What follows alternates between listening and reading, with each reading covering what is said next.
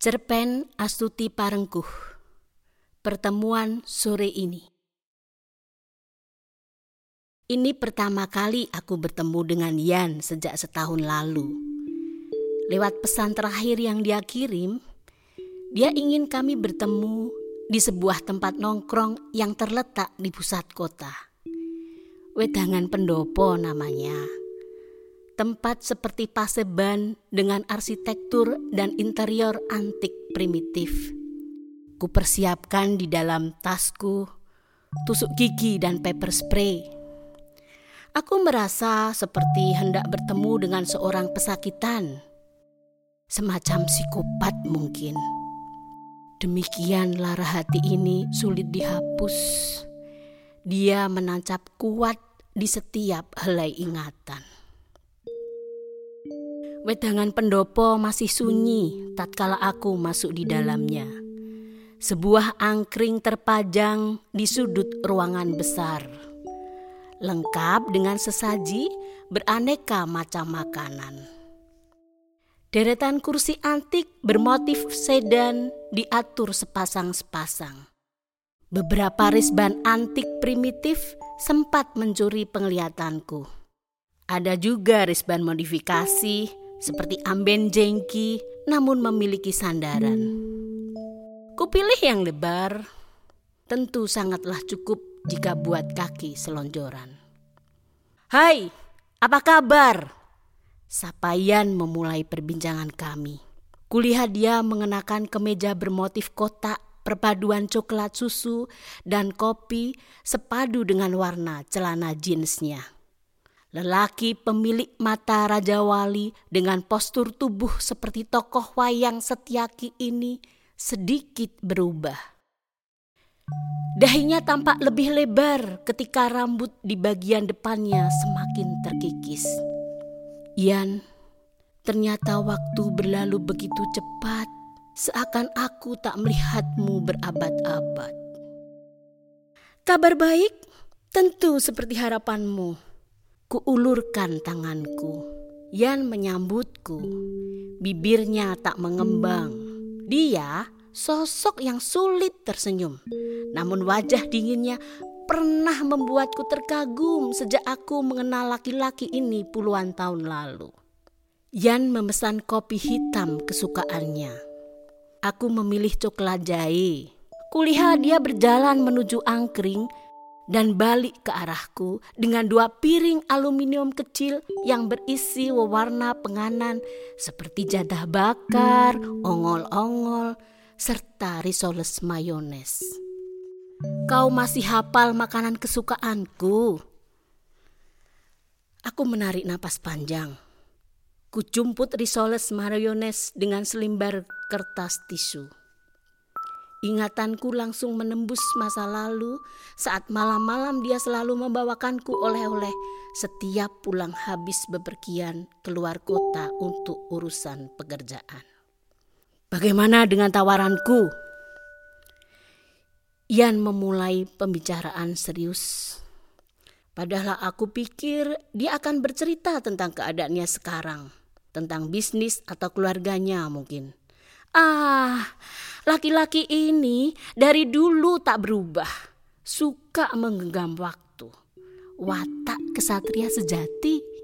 Tertutup untuk hal-hal yang sifatnya pribadi dan memilih lebih menghargai setiap detik waktu yang berjalan. Kau tahu saja, jika aku masih menyimpan aset-asetku, aku sudah punya rencana semacam plan, Yan kita akan membuka kafe semacam ini di daerah pinggiran kota, lengkap dengan cottage dan spa. Gimana? Kataku sambil mengeluarkan kertas kerja. Dia tahu aku mempunyai beberapa barang dagangan seperti joglo kecil serta mebel-mebel antik yang kusimpan di dalam sebuah gudang. Kami pernah membangun bersama bisnis perdagangan mebel. Belum lagi dia menjawab pertanyaanku, dering ponselnya mengganggu percakapan kami. Yan beranjak sebentar, kemudian kembali ke Risban.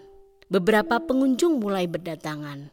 Di antara mereka ada yang membawa kamera serta bertas ransel.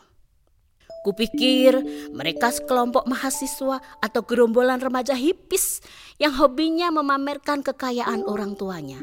Ternyata aku salah duga. Setelah seorang di antara menyapaku, baru aku sadar mereka rombongan wartawan. Bu Siska, ku dengar ada yang menyebut namaku. Yan memunggungi mereka. Kau pun tahu Aku masih punya aset tanah yang bisa kujadikan modal bersama. Kita akan perlakukan usaha ini murni bisnis tanpa embel-embel lainnya. Artinya, kita akan seriusi ini. Nanti akan aku serahkan kepada orang kantor untuk mengurus pemberkasannya. Kata Yan tegas. Aku serahkan bisnis ini kepada Ratri. Semuanya dia nanti yang akan urus dari A sampai Z. Kusebut anak sulungku yang telah menamatkan SMA. Yang sedikit terpengarah. Kuacuhkan dia. Aku lebih tertarik untuk menikmati suara musik yang keluar dari corong-corong tersembunyi di balik instrumen-instrumen hiasan dinding yang menyatu dengan gebyok. Bawa situ asih melangutkan jiwa pamintaku. Nimasito ase Atot runtut tansah reruntungan. Kau tahu Yan Setiap kali aku mendengar tembang ini Hatiku serasa diiris-iris Entah rasa apa lagi yang kini tengah berkecamuk di dalam dadaku. Aku tak bisa melukiskan dengan imaji apa pun. Tak juga bisa mampu merasai yang dulu pernah menyelimuti hari-hariku, hari-hari kita. Saat ini aku laksana tengah memamah rasa hambar, sehambar sesapan sepi tumpah tebu pada hitungan kesekian ratus. Aku mati rasa. Yan menundukkan kepala seraya mulutnya mengepulkan asap nikotin. Aku memilih minggir. Setahun lalu, ibu terpaksa memilih jalan ini, kataku pada Ratri anak sulungku pasti akan lebih baik. Ratri memelukku erat. Tanpa pengacara? Tanyanya cepat. Kugelengkan kepala. Sejak beberapa tahun lalu sebenarnya dia sudah menyarankan tindakan ini tapi tak pernah kugubris.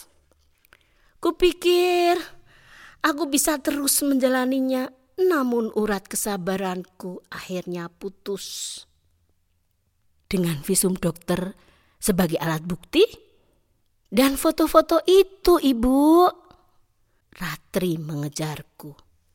Kembali ku gelengkan kepala. Tidak, tidak. Bagaimanapun dia bapakmu. Ku kemas lagi berkas-berkas yang telah ku kopi dan ku belajari untuk sidang kedua besok. Kamu temani ibu. Kataku menutup perbincangan kami.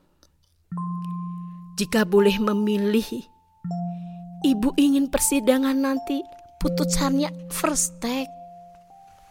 Ratri tersenyum ke arahku. Ibu yang kuat ya. Aku membalas dengan membawakannya semangkuk sup galantin yang masih mengepul di atas meja makan.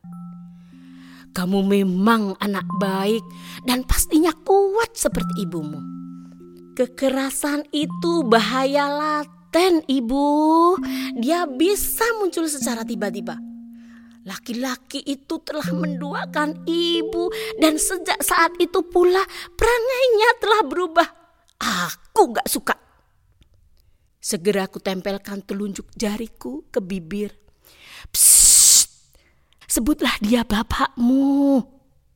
Ratri berbicara layaknya aktivis perempuan yang sedang naik podium. Dia perpaduan sifat keras bapaknya dan kelembutan yang dimiliki oleh seorang Dewi Sembadra. Bagaimana kuliahmu sis? Lancar? Yan tahu aku belum lulus pasca sarjana yang kuimpikan sejak muda. Lancar, lancar saja. Bagaimana keluargamu? Kau masih suka? Aku tak meneruskan pembicaraan. Mendengkur kalau tidur. Ku dengar suara kerasnya membahana di seantero ruangan terbuka yang mirip dengan teras ini. Dan bangun selalu kesiangan, kataku sambil cekikian seperti remaja usia belasan.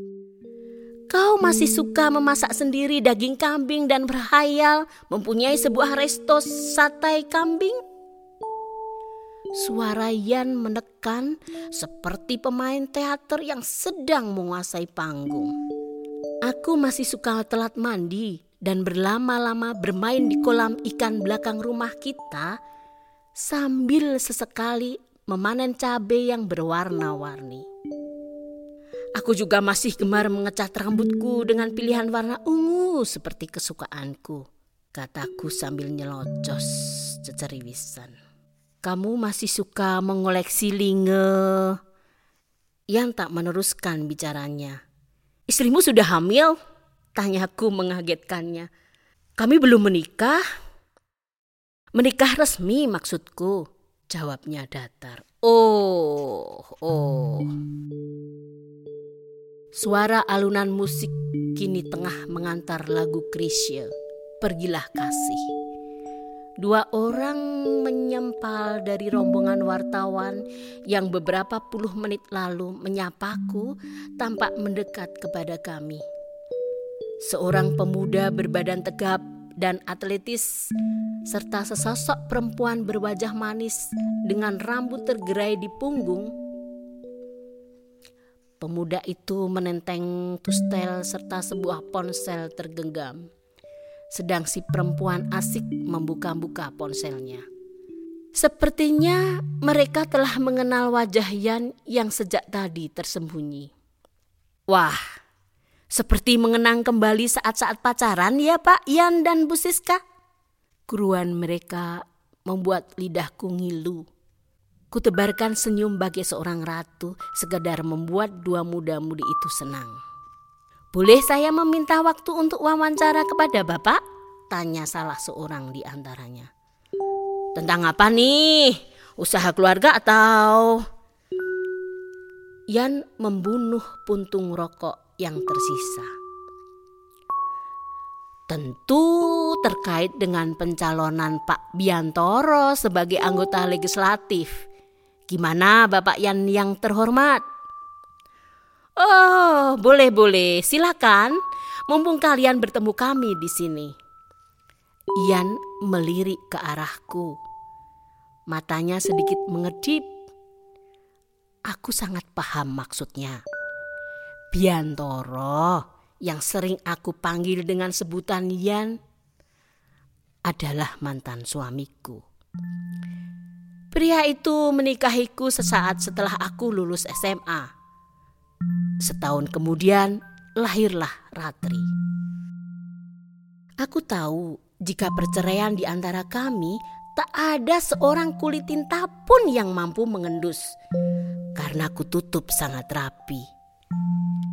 Yang telah mendesakku bahwa urusan pribadi, terutama keluarga, tak akan membuatnya pantang mundur untuk pencalonan anggota Dewan Kota tahun ini juga soal perselingkuhannya yang berhasil kukuak.